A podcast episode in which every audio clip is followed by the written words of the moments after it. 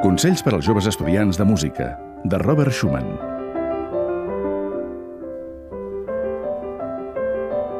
Tindràs sensibilitat musical si tocant un fragment de música, nou per a tu, ets capaç d'endevinar, d'alguna manera, allò que vindrà.